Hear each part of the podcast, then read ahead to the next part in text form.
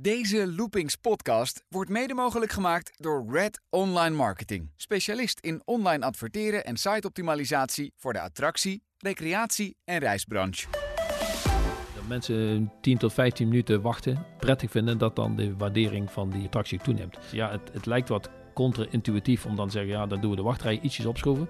Maar als je weet dat dat in de totale beleving van die consument beter is, zou ik zeggen, waarom zou je dat dan niet doen? De Loopings podcast met Wessel Wit.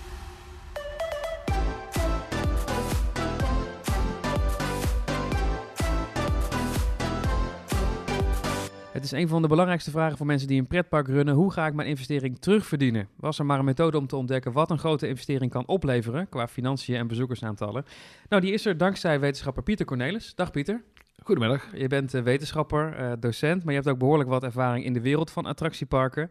Zo was je jarenlang eh, hoofdonderzoek bij de Efteling, directeur strategie en ontwikkeling bij Toverland. En uh, tegenwoordig ben je strategisch directeur bij Vision, bekende decoratie- en ontwerpbedrijf. Hoe ben jij in die pretparkwereld terechtgekomen? Hoe ben je erin gerold ooit? Ja, nou, ik denk zoals uh, iedereen als klein kind ooit door de Efteling is gaan rond, rond gaan wandelen met de familie en dacht van, oh, dit is toch wel gaaf. En zo is mijn liefde voor pretparken wel ontstaan. En, maar de echte stap naar pretpark heb ik gemaakt toen ik in 1997 samen met mijn vrouw in Orlando was. Het was voor het eerst, we waren daar uh, wat aan het cruisen, lekker in het zonnetje en hadden nog twee dagen over.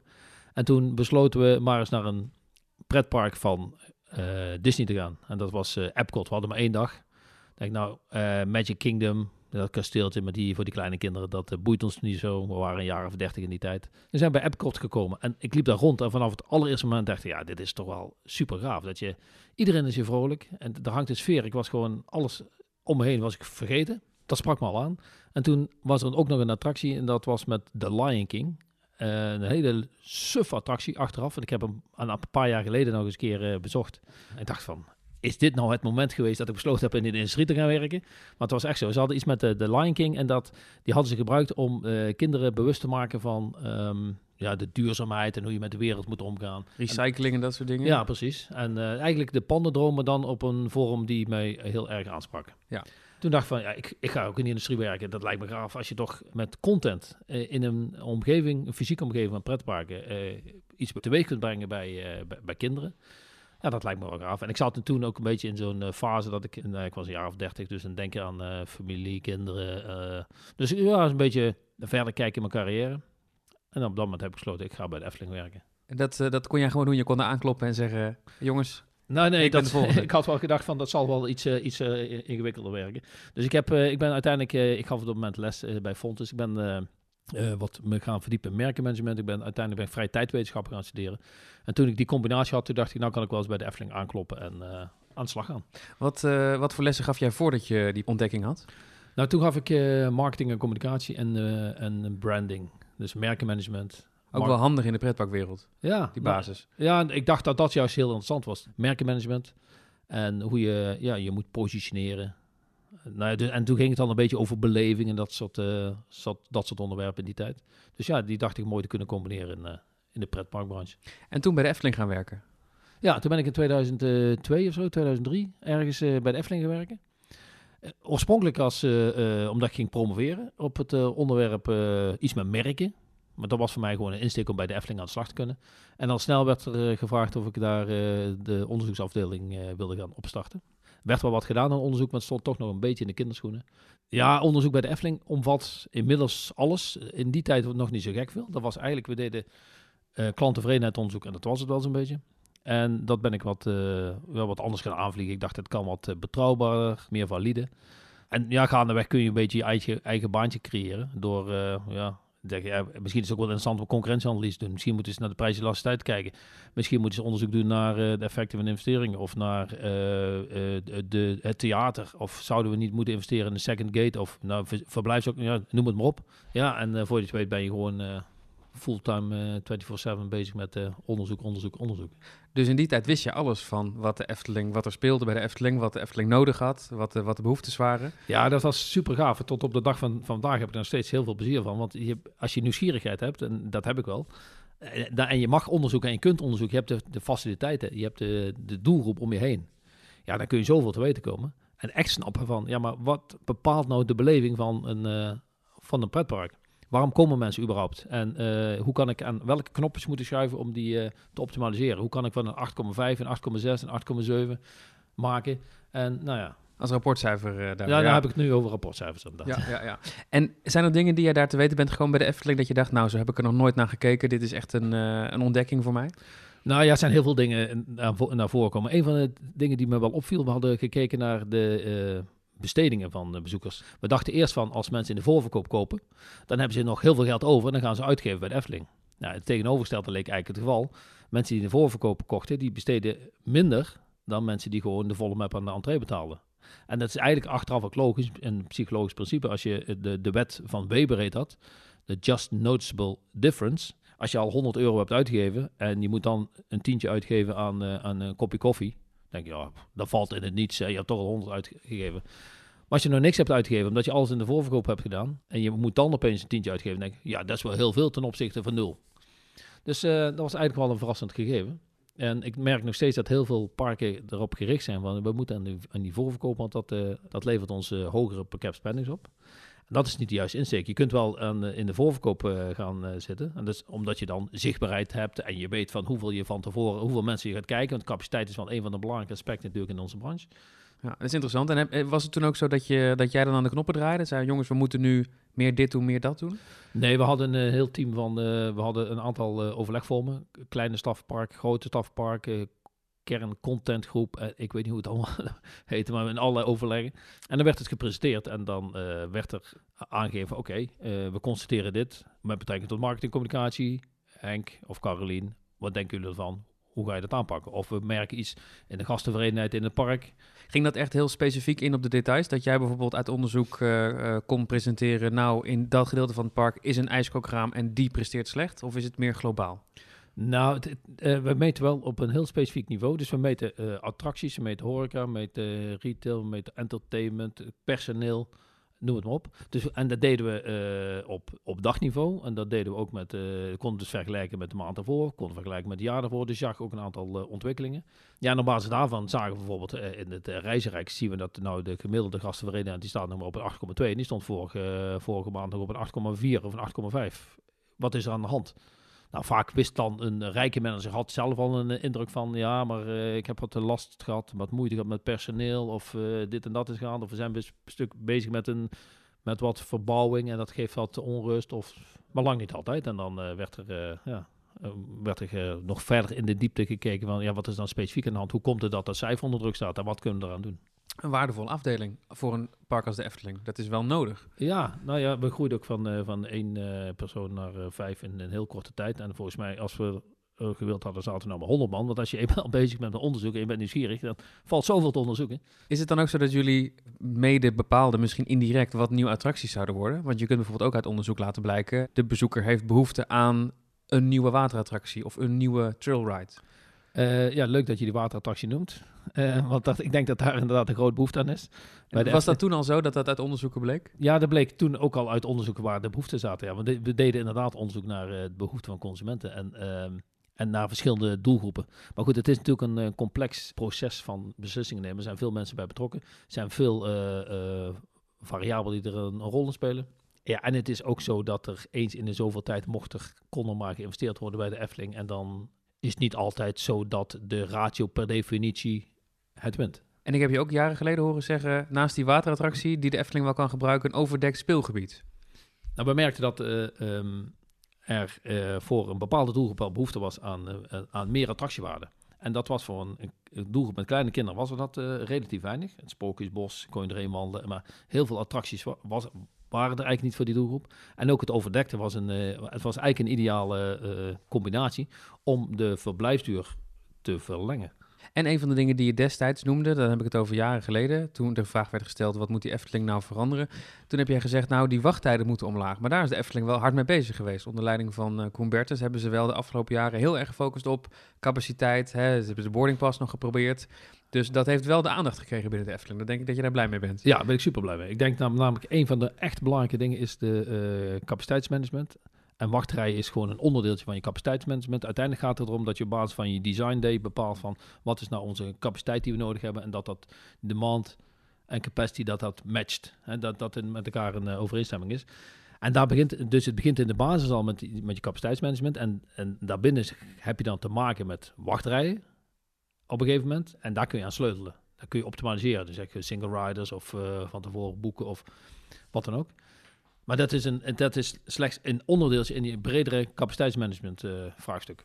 Dus ik ben heel blij dat ze dat hebben opgepakt. En dat, uh, je ziet ook inderdaad dat die, als je nu naar de capaciteit van de Efteling gaat kijken, dat die inderdaad verbeterd is ten opzichte van een aantal jaren geleden. Wat, heb, wat ben jij toen gaan doen? Want je bent uiteindelijk ook directeur bij Toverland geworden, maar er zat nog een periode tussen, geloof ik. Ja, ik, ik heb bij de uh, in Breda, heb ik, de, tegenwoordig de BUOS, ben ik aan de slag gegaan en daar ben ik gaan promoveren. Nou, niet, niet bij de NRTV, want dan kun je niet promoveren, daar heb je een universiteit voor nodig. Ik ben bij de Universiteit van Tilburg en in Tarragona, in, bij Barcelona.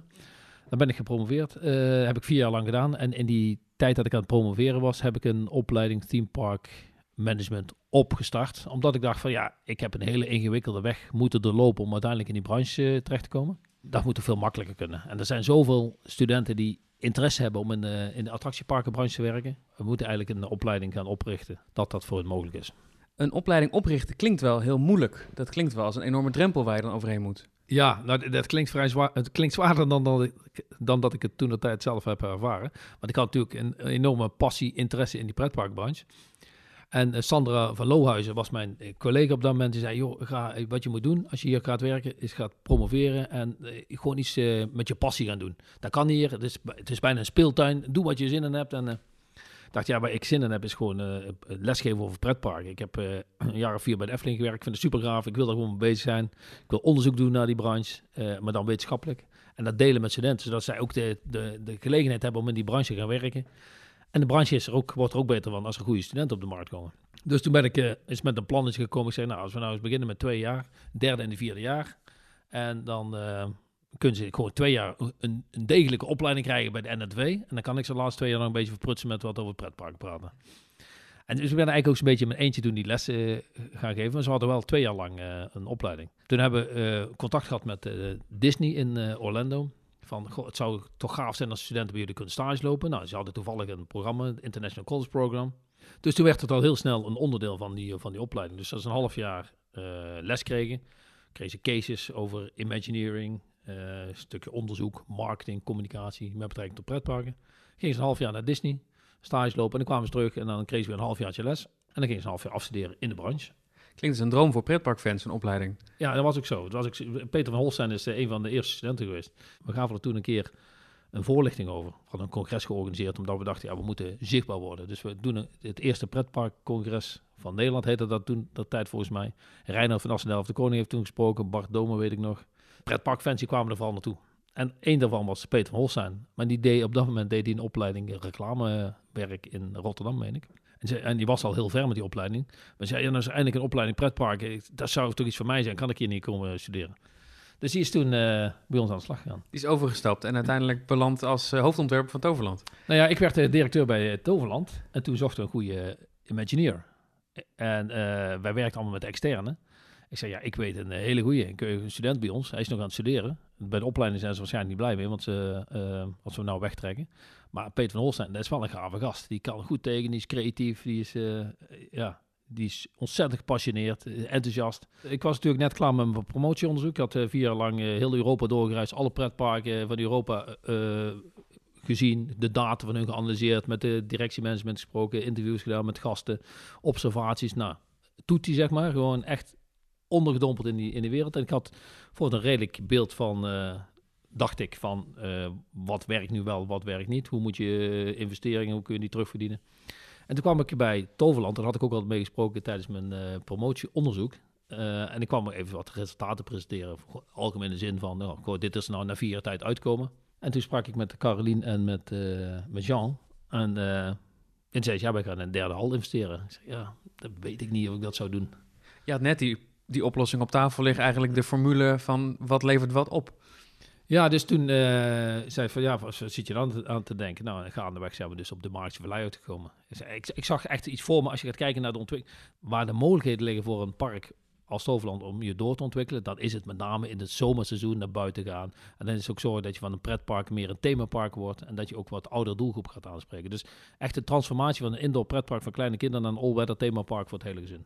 En dat zijn we toen de tijd gaan uh, inzetten. En toen dacht ik, ja, ik zie, ik zie, wat ik voor me zie is niet een, een derde hal, maar meer een, ja, een, een droomvlucht, maar dan buiten. Gewoon een prachtig mooi gebied waar je kunt wegdromen en en toen zat, zat ik met Carolien daar eens over te filosoferen. En zei, ja, droomvlucht, droomvlucht, wie zou dat kunnen ontwikkelen? Ik zei, ja, uh, we hebben natuurlijk Ton, die heeft dat ontwikkeld. En toch al fantastisch mooi gedaan. Ja.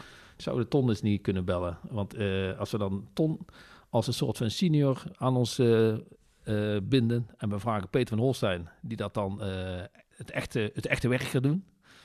ja, dan hebben we toch een gouden duo. Ja, toen hebben we Ton maar eens gebeld...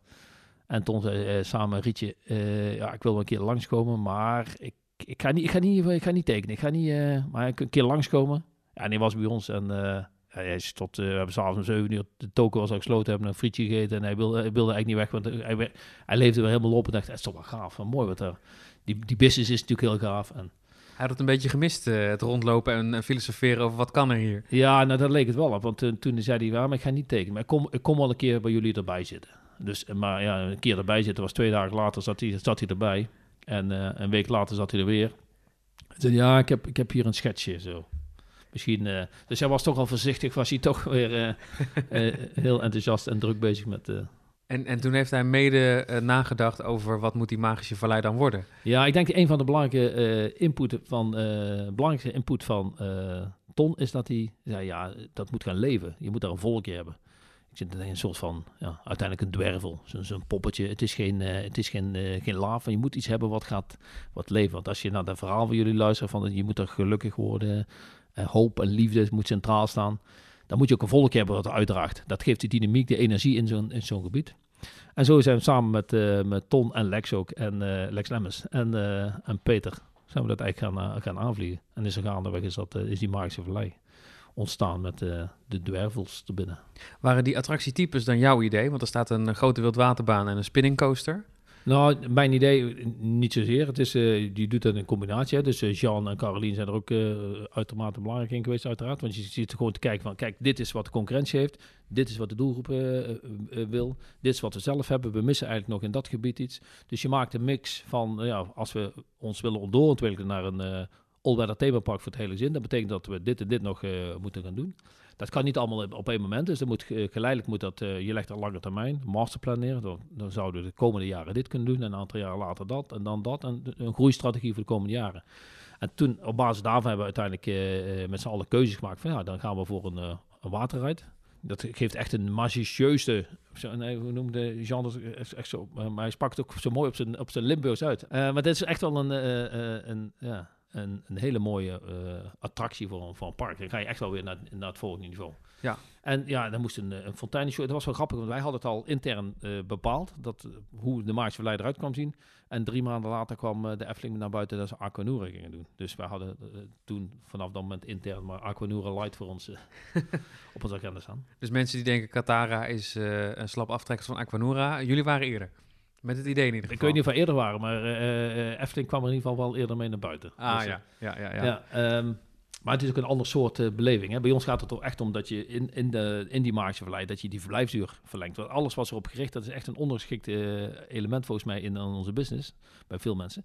Maar die verblijfsuur, die average length of stay, ALOS noemen we dat, die moet omhoog. Heeft een aantal voordelen. Mensen zijn bereid om meer te betalen, omdat je verblijfsuur hoger wordt. Mensen besteden ook meer in het park omdat ze langer verblijven. En mensen zijn ook vaak bereid om van verder weg te komen. Dus het, het, het mes snijdt echt aan, eh, meerdere kanten. En uh, die average length of stay die was bij uh, Toverland voor bepaalde doelgroepen aan de lage kant. Dus daar, daar zat eigenlijk de sleutel tot succes. Dat kun je doen door bijvoorbeeld een fonteinenshow neer te zetten. Wat zijn andere handige manieren om in een park of in een themagebied aan knoppen te draaien om mensen daar langer binnen te houden? Nou ja, attracties is natuurlijk één ding, maar dit is maar een uh, één klein onderdeeltje. Want heel, het gaat er vooral om dat mensen zich ondergedompeld wanen. Dat ze de zorg, dat ze in het, in het nu komen, het hier en nu.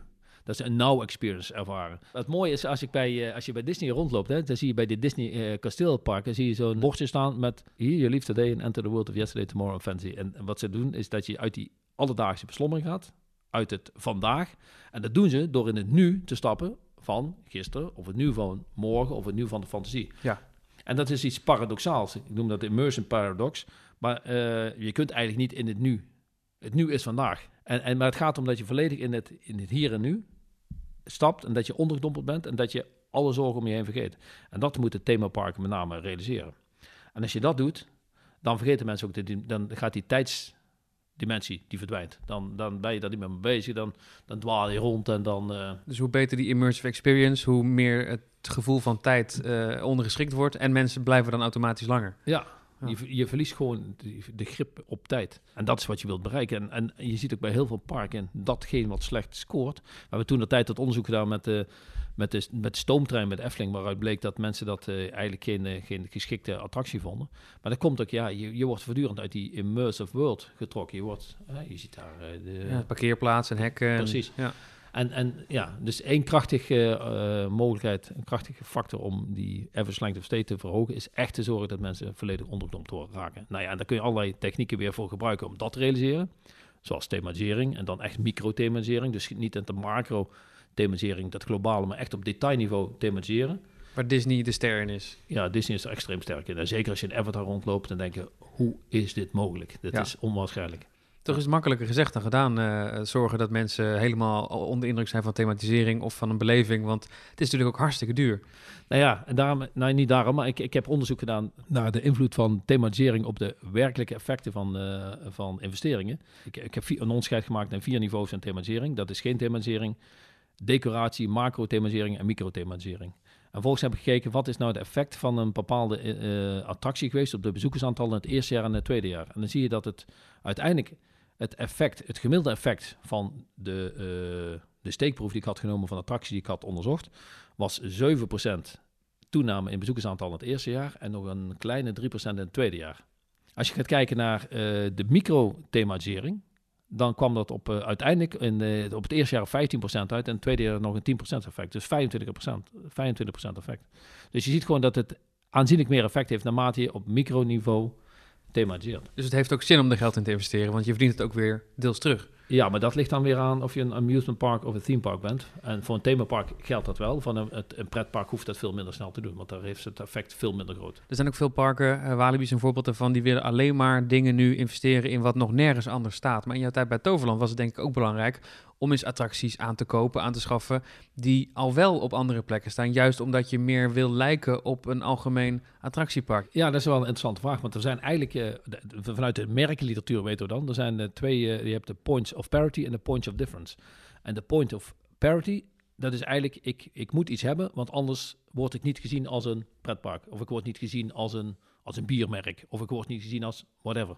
Maar dat, dat is eigenlijk de toegang tot de branche. En vervolgens heb je points of difference nodig om je daarin te onderscheiden van concurrenten. En Toverland zat inderdaad op het punt van, we moeten eerst die point of parities moeten we uh, realiseren. We moeten ervoor zorgen dat we meedoen in die categorie van themaparken. Want we zijn nog een pretpark en we moeten doorontwikkelen naar themapark. Daar hebben we points of parity voor nodig. En zodra we die hebben, moeten we zorgen dat we onderscheidend zijn. En dan ga je zoeken naar je points of difference. Van waarin kunnen wij dan het onderscheid brengen ten opzichte van bijvoorbeeld een Efteling of een Fantageland. Dus vandaar eerst een wildwaterbaan en daarna pas Phoenix, uh, die er uh, enkele jaren geleden gekomen is. Uh, ja, ik denk dat dat wel een uh, dat daar wel mee te maken heeft. Ja. Kijk, want op het moment dat we op de, uh, in die tijd al een Phoenix hadden neergezet, dan hadden we ons te sterk als een, een pretpark doorontwikkeld. Want het, het, het heeft toch het beeld van het is een hele heftige achtbaan. En we hadden al een aantal achtbanen. En als er dan weer zo'n heftige achtbaan bij komt, dan krijg je een beetje het stempel van dat hè, het, het, mentale stempel, het imago in, in het brein van de consument van dat is een, een, een, een pretpark.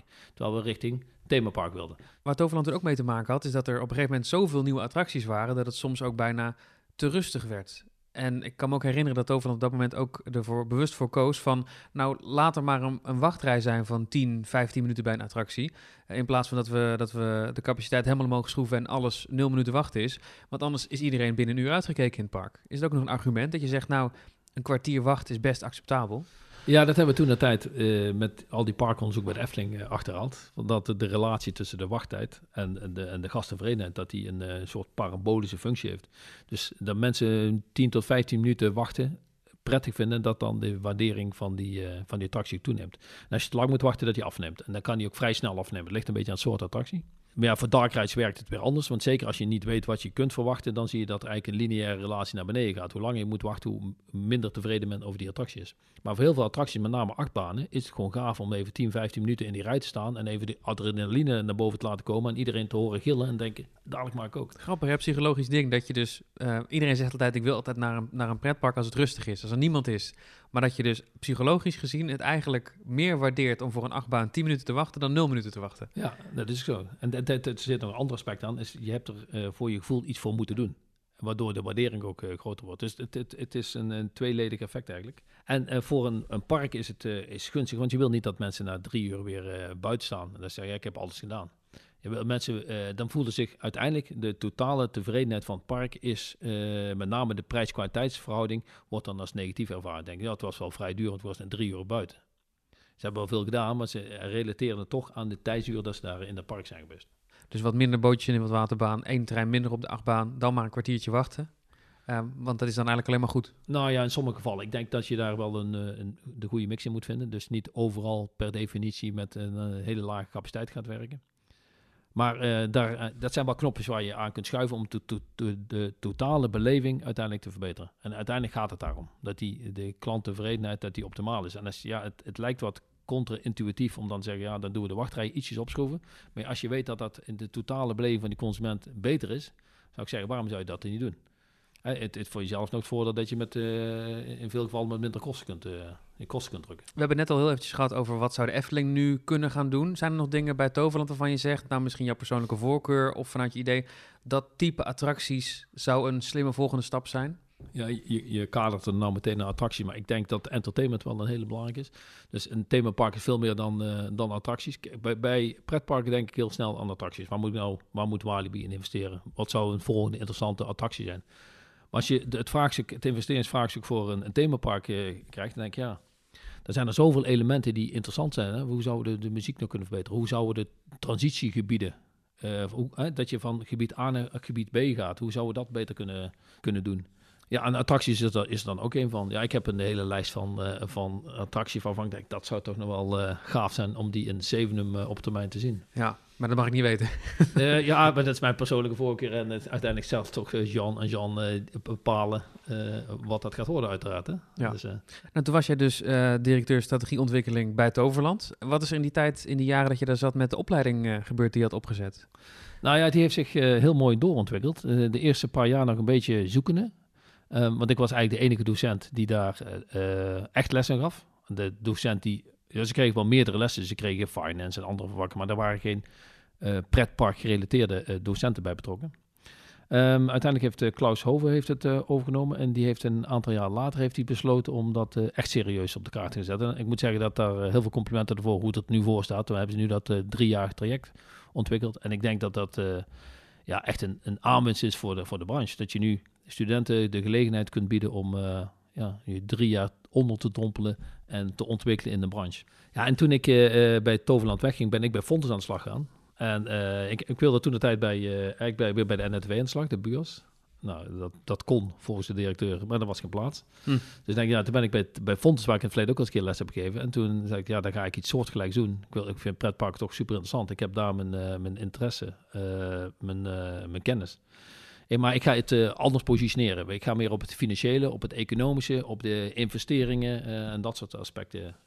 dus het accountable stuk gaan we zitten. En dat hebben we nou in Tilburg. Dus het, het grappige is dat we eigenlijk op eh 30 kilometer afstand van elkaar twee interessante opleidingen met betrekking tot pretpark hebben. Ja, concurreren jullie nog met elkaar? Nou, zo ervaren wij het niet. want wij doen gewoon ons ding. En eh, wat ze in Breda doen, dat is, eh, dat is fantastisch. En, eh, echt oprecht. Maar daar kijken wij niet naar. Want wij zeggen gewoon, ja, wij, onze opleiding is heel sterk in wat wij noemen accountable concepting. Dus alles wat we doen bij Fontes in Tilburg is erop gericht dat je concepten ontwikkelt die ook ergens toe bijdragen. Zijn er voorbeelden van studenten die de opleiding hebben verlaten met een diploma, die nu op een mooie plek ergens zitten in de pretparkwereld? Ja, nou, ik, van wat ik weet, ik zelfs de eerste lichting, Roel van den Berg, die was, die was de allereerste toen ik in Breda begon met die opleiding opzetten. Toen ik ook maar iets van liet horen, we gaan dit misschien doen. Toen heeft hij me gestalkt. Echt een jaar lang. Weet je al iets meer? Weet je al iets meer? Elke dag kwam je weer langs. Ik zei, we zijn er mee bezig. Want we hadden laten vallen dat je ook bij Disney kon stage lopen. Is van de allereerste lichting. Toen zijn we met die club studenten zijn we naar eh, Las Vegas geweest. Omdat daar de IAPA toen was. Die, was, die is nu tegenwoordig elk jaar in Orlando. Maar in, in dat jaar was het nog steeds ergens anders in die tijd. En daar is hij in gesprek gekomen met uh, de Ferrari World. Want die waren toen bezig Ferrari World te bouwen. En toen heb ik in, in Abu Dhabi. In Abu Dhabi, ja. ja. Toen heb ik een goed woordje moeten doen voor Roel bij HRM. Die, want die waren daar aan het recruiten. Ik zei, nou, dit is echt een fantastisch student. Als je er eentje wil die gedreven is, dan is de Roel. Maar weet wat je, wat je binnenhaalt. Want hij stalkt je vanaf dag één als je ergens interesse in heeft. Echt fantastisch. En die heeft zich heel snel op, uh, doorontwikkeld. En uh, vervolgens is hij operationeel manager bij Jas Waterworld geworden. En inmiddels zit hij aan de overkant bij het Warner Bros. park. Kijk, dat is niet de minste. Nee, ik heb hem vorig jaar, het is wel heel grappig, vorig jaar waren we in Abu Dhabi, was het laatste project wat we nog voor uh, Eurovision mochten doen voordat uh, de lockdown uh, binnenviel. Echt twee dagen later gingen we in lockdown. Maar toen waren we in Abu Dhabi en toen liep Roel daar rond. Ja, we noemen hem Abduruli. hij heeft het daar heel, heel mooi voor elkaar. Als je kijkt wat hij nou... ja, wat een droom. Van, van pretpark-fan naar daar de mooiste park leiden. Ja, hij leidt er echt fantastisch.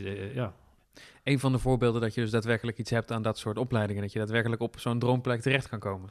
Nou ja, goed. Het, kijk, het, het, doet, het doet twee dingen, denk ik, opleiding. Het, uh, het opent de deuren naar, uh, naar de branche. Doordat je gewoon in contact komt met de branche. Uh, je krijgt cases en je kunt stage lopen en zo. Maar door dat contact krijg je ook de, weet je ook wat de finesses zijn, wat er speelt, hoe, de, hoe de cultuur is. dus ja, je kunt zeggen, ik, ik leer marketing voor, en dat pas ik toe op chocoladefabriek. En, en, dat trucje, dat kan ik overal toepassen. Of je zegt, nee, maar ik ga me echt verdiepen in een bepaalde branche. Omdat uh, ja, die, die specifieke context... En met name in de, in de, de pretparkenbranche is die context heel erg belangrijk. Omdat wij, wij zijn fysieke omgevingen waar mensen een, een hele mooie beleving willen realiseren. En dat, dat snappen is toch iets anders dan dat je werkt voor een... Uh, fabriek die chocolaatjes maakt. Mensen zitten dan uh, jaren bij jou in de klas. Jij geeft ze les. Uh, het is een beetje een stomme vraag misschien, maar is er één belangrijke les waarvan je denkt, nou, als ze één ding hebben onthouden als ze van school gaan, van mij, dan, is, dan moet het wel dat zijn. Ja, nou, ik zeg al, it's better to be vaguely right than precisely wrong. We zien vaak dat, uh, dat we zo losgaan op iets en dat we eigenlijk uit het oog verliezen waarom, het, waarom we doen. En denk ja, en daar moet je steeds naartoe. Als je teruggaat naar, naar de Efteling of Toverland, van wat is nou het belangrijkste vraagstuk waar we hiermee te maken krijgen te hebben. En als het is, oh ja, we moeten uh, capaciteit, daar hebben we mee te maken, of we hebben te maken met beleving, dan moet het daar allemaal op geënt zijn. En we lijken wel eens ooit te, te vergeten waarom we het doen. We krijgen een briefing en dan gaan we los. En wat we eigenlijk bij, bij Fontes met name doen, is dat accountable concepting nadenken over, ja, maar wat is dan het werkelijke effect? En hoe zijn die correlaties, of misschien zelfs wel die causale effecten tussen input en output? Zodat we beter snappen van datgene wat we doen, waar gaat het ook toe leiden? Het, het gaat natuurlijk om, om, uiteindelijk, bottom line gaat het ook om geld verdienen. En dat geldt ook bij de Efteling. Het is wel Stichting Natuurpark die prachtige doelen heeft, maar uiteindelijk moet er wel geld verdiend worden, ook op korte termijn, om op de lange termijn uh, uh, succesvol te kunnen zijn. We hadden het net over de transitie van een pretpark naar een themapark. Hoe je dat doet en waar je dan en welk knop je dan uh, moet draaien. Is het zo dat elk pretpark het beste een themapark kan worden? Of zijn er ook pretparken waarvan je denkt, nou blijf lekker een pretpark, want het is prima zo? Nee, ik denk dat er zeker een uh, ruimte is voor pretparken en themaparken. En dat het niet zo is dat een themapark per definitie beter is dan een pretpark. Er zijn ook veel pretparken die een beetje op de grens zitten. Hè? Want ik denk aan Slagharen. Dat is van, van oudsher echt een pretpark met wat kermisattracties bij elkaar. De laatste paar jaar wordt het steeds meer western. We willen thema, we willen verhalen vertellen, entertainment erbij. Dus die zitten dan misschien wel in die transitie. Ja, ik vind uh, Slagharen inderdaad een hele mooie slag gemaakt hebben de afgelopen jaren. Als je kijkt hoe die, zich ontwikkeld hebben, er zit een visie achter. En je ziet wat daar, uh, uh, wat daar aan ontstaan is, is inderdaad van dat pretpark naar, naar zo'n themapark. Toverland heeft natuurlijk tien jaar geleden heeft dat ook gedaan. Is er ook heel sterk op door aan het gaan. En voor de rest zijn er in Nederland niet zo gek veel parken die daar, die daar zitten en die dat ook zouden moeten doen. Die, dat zijn toch meer uh, pretparken met wat thematisering dan dat themaparken zijn. En dat is prima. Ik denk ook niet dat uh, Walibi nu nog zou kunnen zeggen van, weet je wat, uh, wij gaan ook de weg van een themapark in. Dus het advies voor Walibi zou niet zijn, ga heel veel thematiseren, maak er een themapark van, want uh, dat is misschien al te laat. Nou ja, kijk, Walibi is natuurlijk waanzinnig sterk in zijn Halloween Fright Nights. En dat heeft thematisering. Dus ze kunnen het verdomd goed. Alleen ze hebben het uh, de afgelopen tien jaar niet in de rest van het park laten zien. Terwijl ik denk, als je, als je het zo goed begrijpt, je had het kunnen doen. Maar je zit nu waarschijnlijk in het brein van de consument zo ontzettend uh, gepositioneerd als, oh, dat is de Halloween Fright Nights. En voor de rest is het een pretpark. dat daar heel lastig vanaf te komen is. En ze hebben de afgelopen jaren wel een aantal keren, dan gaan we weer meer op de families, dan gaan we toch wel meer op de teenagers, wat zitten switchen, misschien zoekende in van wat moeten we nu doen. Maar ik denk dat ze er wel heel sterk in hadden kunnen zijn. Maar ik vraag me af of dat nu nog mogelijk is. Hetzelfde als van, zou Toverland nu nog de naam moeten wijzigen. Weet je, dat is ook een discussie die is een aantal Eeuwig keer... vraagstuk. Eeuwig vraagstuk, inderdaad, ja. Op een gegeven moment zit je op een punt dat je denkt van, nou moet het gaan laden. Dan moet het zo zijn en dat geldt voor Walibi waarschijnlijk ook. Dan moet het gewoon duidelijk gaan laden en... Uh... En als Walibi zo goed is in die Halloween Friday Night, is dat dan ook iets waarvan je zou zeggen, nou ja, als dat dan je core business is, doe dat dan uh, langer. Doe dat dan bijvoorbeeld ook in de zomer een beetje iets met horror? Ja, de, de vraag is of horror qua thema, of dat zo uh, toegankelijk genoeg is voor een brede doelgroep. Uh, die je wel nodig hebt om je bezoekersaantallen te halen. Dus ik, ik denk dat het in een korte periode dat het heel rendabel is. Maar als je het zou moeten uitstrijken, als je ook in juli en augustus je geld mee zou moeten verdienen, dan lijkt het met een vrij dun thema. Maar ja, van de andere kant, je kunt ook zeggen van, we hebben daar iets te pakken, we kunnen het, we kunnen het wat opvrolijken, we kunnen het in, de zomer kunnen het een beetje een, een, een, een minder lugubere variant van maken. we gaan er we gaan er een bepaalde, er zit een bepaalde laag in, misschien het clowneske of zo, wat we gaan oprekken. En dat we ons die kant voorzichtig gaan uh, oriënteren. En als je dat doet, en je neemt daar de tijd voor in de loop der jaren, dan zou het best wel eens kunnen zijn dat je daarmee voorzichtig de bakens een beetje aan het verzetten bent en ruimte creëert om toch richting themapark te ontwikkelen. Je noemde net al eventjes uh, Jora Vision, daar ben jij sinds uh, 2017 aan het werk. Wat doe je voor Jora Vision nog naast je schoolwerk? Alleen maar leuke dingen. Dat is echt een fantastisch mooi bedrijf. Wij, wij uh, ontwerpen en produceren uh, attractieparken, maar ook attracties en dierentuinen, waterparken, noem het maar op. We maken dark rides. We hebben drie jaar rij de, de, prijs gewonnen van de mooiste dark ride. dus we doen echt gave dingen. Ik zit in de, in de pre-masterplanning over het algemeen. Dus dat betekent dat we hele grote projecten, ooit megalomane projecten bij betrokken zijn. Ergens op de wereld komt er weer een initiatief van wij willen hier een, een themapark ontwikkelen groter dan Disney, uh, met een waterpark, et cetera.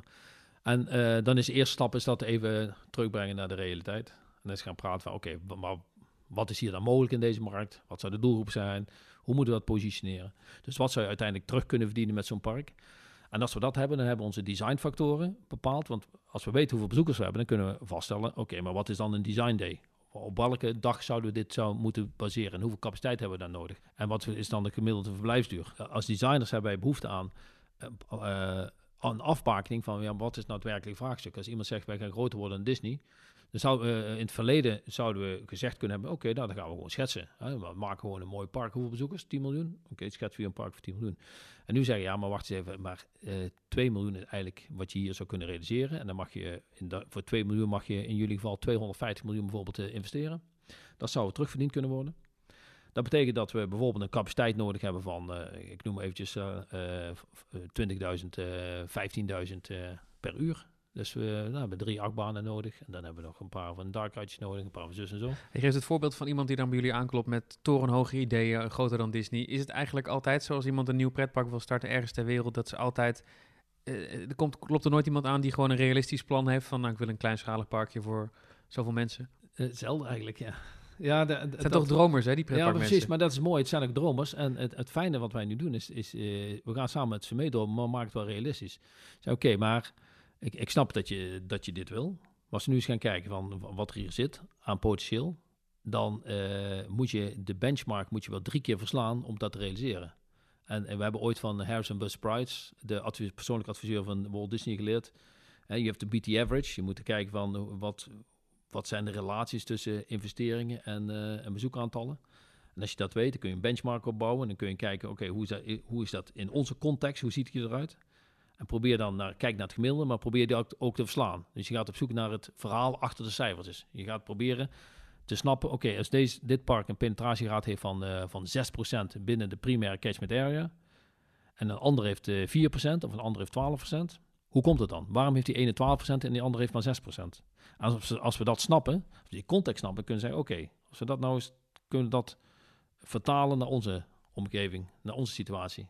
En wat betekent dat dan? Als je dat doet, dan kom je tot de realistische inschatting van, van je aantallen. En dus ook tot een realistische grootte. En dan zeg je, weet je, je moet geen uh, uh, 50 miljoen investeren, maar je moet eigenlijk 75 miljoen investeren. En dan moet je niet verwachten dat je dadelijk uh, 1 miljoen bezoekers gaat krijgen, maar je gaat er 500.000 krijgen. Maar als je daarmee akkoord bent, dan gaan we wel een realistisch business case ontwikkelen. Je zit nu een paar jaar bij Vision. Zijn er al parken die, waar jij je mee bemoeid hebt in de ontwikkelingsfase die al richting bouw of opening gaan? Ja, wij zijn, nou ja, het, is, dat proces gaat altijd in, in, in meerdere fases. Dus uh, het begint met een pre-master planning en vervolgens gaan we naar een master planning, concept design en dan ga je naar schematic design, je wat meer in detail ontwikkelen en uiteindelijk ga je naar je detail design en dan ga je een keer naar constructie, gaat, gaat het gebouwd worden. Um, dus we doen nou een aantal jaar, maar zitten wel een aantal projecten zitten al verderop in, de, in het traject en zijn dan naar een andere fase aan het doorstromen. Maar ja, het openen van een pretpark, dat duurt een paar jaar. En dat is ook wel het uh, frustrerende voor veel van die initiatiefnemers. Want die komen bij ons van, we gaan uh, het grootste pretpark van Europa bouwen. Of van, van Azië. Groter dan Disney.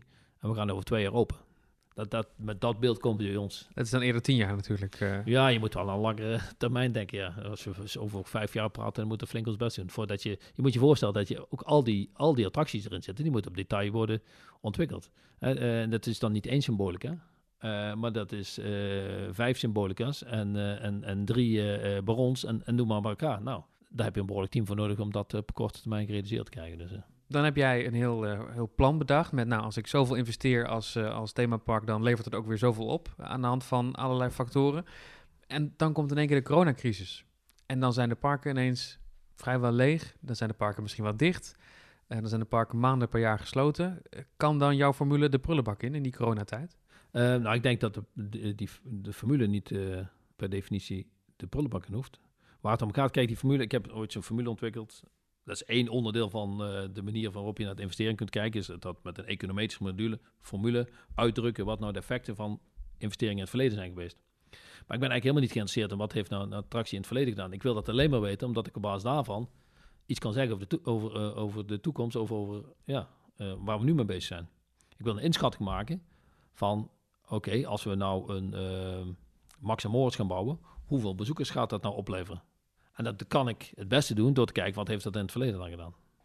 En als je dat met de juist, in de juiste context weet te plaatsen, dus dat je uh, de juiste benchmark, de juiste cijfers zit op te bouwen van wat heeft nou een, een bepaalde soortgelijke attractie bij ons in het verleden gedaan, of bij soortgelijke park in het verleden. En in welke fase van ontwikkeling zitten wij als park nou? Kunnen we op basis daarvan een inschatting maken van wat zouden dan binnen bepaalde marges van onzekerheid waarschijnlijk uh, de bezoekersaantallen in uh, eh, 2022 worden. Maar dan is het wel heel zuur voor een pretpark die dan zo'n plan maakt en dan opent en dan in één keer een lockdown krijgt. Ja, nee, dat is ook, dat is ook desastreus, ja het, gaat wel heel snel gaat het oppakken. Want ik, ik, ben ervan overtuigd dat als we dadelijk open gaan, dat het. We hebben het afgelopen zomer gezien. Hè? Afgelopen zomer hebben parken uh, gedeeltelijk uh, open mogen zijn. Maar als je kijkt wat dat uh, teweeg heeft gebracht, hebben zelfs met beperkte capaciteit, hebben sommige parken nog echt een goed seizoen gedraaid. dus mensen willen gewoon er weer op uit. En dat is eerst wat. Ja, het is vandaag, de, de lente is een beetje begonnen. Gisteren zat Vondelpark zat echt uh, tot, de, tot de nok toe vol. Die mensen hadden ook in de Efteling of in Toverland kunnen zitten natuurlijk. Ja, liever dat, want dan was het gewoon veilig geweest. Dus wat dat betreft niet pessimistisch. Het is nu even een, een vervelende periode, maar uh, ook qua investeringen um, moet dat snel wel weer opgestart worden als het straks weer kan over een paar maanden. Ja, nou goed, ik ben al vanuit een, zeg maar een wetenschappelijk, objectief, afstandelijk perspectief ben ik niet pessimistisch. Maar je zult nou een, een themapark zijn wat uh, uh, gewoon een jaar dicht is. En je hebt gewoon uh, miljoenen verlies gedraaid. Ja, dan, dan snak je ernaar dat je weer open kan. Dat er weer eens een keer cash binnenkomt. Kijk, voor themaparken en voor parken sowieso is dat heel lastig. Want je hebt, je hebt een hoogseizoen, dan heb je een enorme cashflow. En dan ga je het naseizoen in, dan stroomt de cash een beetje de, de, de tent uit. Je moet nog gewoon een aantal dingen doorbetalen. Onderhoud moet er door. Uh, je moet uh, je personeel, vast personeel moet je betalen. En gaan zo maar door. En dan uh, ergens in april mag je weer een keer open. Maar dan sta je echt wel, staat het water bij sommige parken al redelijk aan de lippen. Van nou, moet niet lang duren, want dan moet wel weer eens een keer cash binnenkomen. Dus wij hebben een, ja, best, sowieso al een lastige situatie. En zeker als je dan ook nog zegt van ik ga investeren in een bepaald jaar. Dus dan heb je al die cash le leeg zien lopen. Dan ga je ook niet investeren, dus je gaat enorme uitgaven staan eraan te komen. Ja, en dan komt er een lockdown, ja, dat is desastreus. Ook een hele rare branche eigenlijk. Als je dus constant bezig bent met een voorraadje opbouwen in de zomer, om maar die winter te kunnen overleven. Dat is heel fragiel. Ja, daarom begrijp ik niet dat er zo weinig parken iets aan, uh, niet aan Halloween doen. Want als je in Halloween, dan krijg je in, in, een cruciale fase in het jaar, namelijk oktober, krijg je nog even een enorme impuls. Alle parken die ik ken die Halloween hebben, die hebben gewoon, een, dat is een van de top drie maanden van het jaar qua omzet. Nou zijn de kosten natuurlijk ook eh, wat hoger, maar uiteindelijk zijn het hele winstgevende eh, maanden. En die heb je dan ook aan het eind van het, eh, van jaar zitten. Waardoor die periode, je gaat met een extra gevulde zak geld, ga je een kortere periode in. Dus ja, ik, ik eh, begrijp een aantal parken niet dat ze dat niet doen. Dus uh, Slagaren en Duinrel, als ze luisteren, dan uh, Halloween uh, dit jaar. Ja, je, het moet natuurlijk passen bij, bij je park. Ik, ik snap ook, bij de Efteling wordt er vaak gezegd, ja, maar past niet bij de Efteling. Maar dan denk ik, ja, maar Mickey's Not So Scary Halloween event in, in Disney. Als je het op soort, een soortgelijke manier zou doen. Ja, Efteling heeft natuurlijk heel veel griezel- en spookverhalen in het Sprookjesbos of in het Spookslot of de Vliegende Hollander, wat ook natuurlijk eng te maken is, s'avonds ja, laat. Ja, en je hoeft het ook niet meteen helemaal te doen. Ik weet, de eerste jaren dat um, Portaventura het deed, was het gewoon op een, een kleinere schaal met een eerste gebied en zo. En, en ga, maar gaandeweg zagen ze van, oh wacht, we hebben hier echt wel goud mee in handen. Dat moeten we gaan doorontwikkelen. Is het dan ook een oplossing voor parken als we het hebben over dat het zo lastig is om die winter te overbruggen, om jaar rond open te gaan? Nou ja, jaar rond er zijn maar weinig parken in Europa die succes, financieel succesvol zijn met jaar rond open zijn. En uh, bekend er de twee volgens mij, Disney en, uh, en de Efteling die het doen. Dus ja, in de winterperiode is het uh, heel mooi om rondom de kerst nog even open te zijn. Vier weken of zo. Uh, daar zijn mensen ook in de sfeer van, wil er weer op uit. Maar in januari, dan wordt het uh, 20 graden onder nul tegenwoordig. Ja, en dan hebben we even geen geld meer. En dan hebben we geen vakantie. En dan, dan hoeft het niet. Dus voor de meeste parken is dat geen optie. Maar wat wel heel belangrijk is, is dat ze de schoudermaanden gaan vullen. Dus dat je in het voorseizoen en in het naseizoen dat ze zorgt dat je daar een onderscheidend, interessant, uh, aansprekend aanbod hebt. Dat mensen dan naar je park willen komen. En nog over uh, de coronacrisis, waar we helaas nu nog middenin zitten. Um, we gaan richting het einde, hopen we. Hoe lang verwacht je dat dat nog doorcijpelt in die pretparkwereld qua investeringen voor de komende jaren? Want ik weet, als je een achtbaan wil hebben volgend jaar, had je hem twee jaar of drie jaar geleden moeten bestellen. Ja, nou, dat is inderdaad uh, lastig. Het ligt ook aan, uh, het, het, aan de ondernemerschap van de, van de parken. Ik weet dat de parken op dit moment gewoon bezig zijn met, uh, met nu alweer de plannen voor volgend jaar investeringen. En er zijn ook parken die zeggen, ja, we zijn gewoon drie stappen terug in tijd. En het gaat nog wel even duren voordat we terug zijn op het niveau. Ik heb een aantal scenario's gezien van hoe we uit zo'n lockdown komen qua, qua branche. En een daarvan is zo'n L-vorm. En we hebben een V-vorm en we hebben een U-vorm. Uh, en de L is van, we komen er eigenlijk niet uit. We zakken naar een bepaald niveau en blijven op dat lage niveau blijven zitten. En we klimmen misschien heel langzaam terug. Uh, ik verwacht meer dat het een, een V-vorm zal zijn. We zijn heel sterk gezakt, maar we klimmen ook razendsnel weer op. En dat hebben we vorig jaar in augustus gezien. Dus dat is wel het meest positieve scenario. Maar als we gaan kijken naar uh, wat SARS heeft gedaan, wat de, de terroristic attacks in, hebben gedaan, dan, dan, leren we daarvan eigenlijk dat we een hele sterke branche hebben die vlot opkrabbelt. Wij zijn ook weer de eerste die is een beetje waar mensen weer behoefte aan hebben. Dus ja, in die zin, vanuit de consumentenkant is er uh, krabbel heel snel op. Alleen ja, veel parken hebben wel een flinke, flinke dreun gehad. En je moet wel de, de, de mogelijkheden hebben, ook de, de fundings, om het, uh, om het op te pakken. En gelijktijdig, op het moment dat je nu een uh, achtbaanfabrikant belt van ik, heb, ik wil een achtbaan hebben. Ja, die hebben natuurlijk ook slechte tijden. Dus qua onderhandelingspositie zullen er nu niet slecht voor staan. Je luisterde naar een aflevering van de Loopings podcast. Heb je vragen of opmerkingen? Mail dan naar podcast@loopings.nl. En wil je geen afleveringen missen? Abonneer je dan via de verschillende podcast-apps zoals Spotify. Bedankt voor het luisteren en graag tot de volgende keer.